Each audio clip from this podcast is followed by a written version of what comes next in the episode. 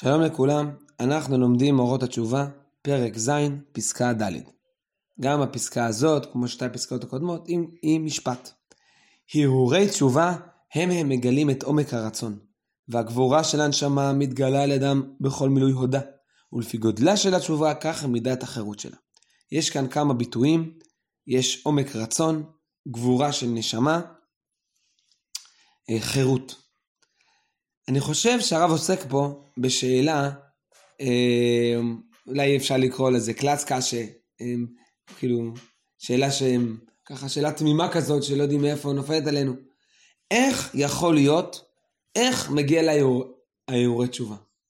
טוב, יש מקרים שבאופן קבוע אדם מתחרט והוא חי חרטות, יש ביטוי אפילו בראשונים רשעים מלאים חרטות, אבל יש מצבים שפתאום מגיעים לאדם מעוררי תשובה, הוא לא יודע מאיפה זה בא לו. הוא כל כך כבר עשה משהו ונעשה לו כתר, והוא כל כך עושה את זה, ורגיל בזה, והוא אף פעם לא חשב שתמיד הדחיק את כל זה שיש משהו לא... ופתאום הוא חושב, האמת צריך להפסיק עם זה. מאיפה זה הגיע? אז הרהורי תשובה הם מגלים את עומק הרצון. יש ברצון שלנו הרבה רבדים.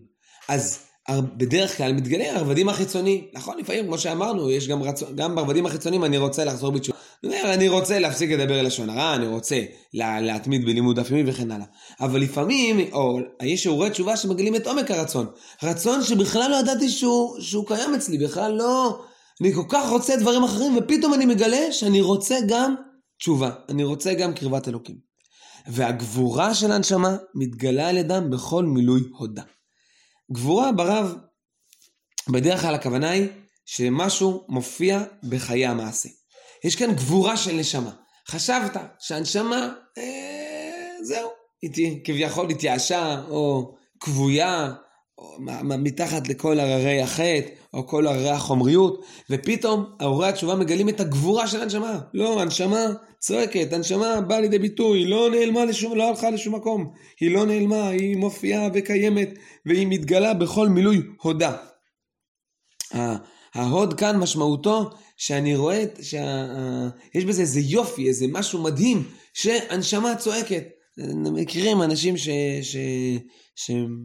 עוסקים בקירוב, בחיבור לאנשים שחוקים מתורה ומצוות, פתאום מגלים איזשהו צמא, איזשהו אה, אה, כל כך רצון להיות מחובר ולהיות קשור, אפילו הם בעצמם לא יודעים מאיפה זה. יש כאן גבורה של נשמה שמתגלה בכל מילוי יודה, זה כזה מדהים, מרהיב, לראות איך הנשמה שלהם רוצה תורה, רוצה מצוות. ולפי גודלה של התשובה, כך היא מידת החירות שלה.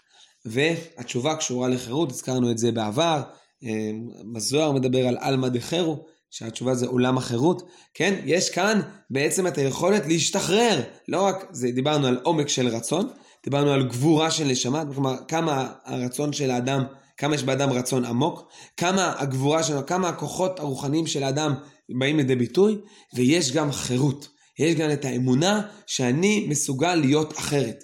מול התחושה הטבעית שככה, כמו שמה שהיה הוא שיהיה, מה שנעשה הוא שנעשה, ואין כל חדש תחת השמש, זהו, אני לא יכול, אה, בכלל, אני לא מעלה על דעתי שאפשר להשתנות בגלל שאין אין, אין שום סיכוי. באים מהרהורי התשובה, מגלים את עומק רצון, מגלים גבורה של נשמה, וכשיש תשובה עוצמתית, יש חירות. אני יכול להשתחרר, אני יכול לצאת לחירות, יכול לצאת אה, מהכלא של החטא אל עבר חיים מהירים יותר, אלוקיים יותר. אה, אה, חופשיים יותר, שנזכה בעזרת השם.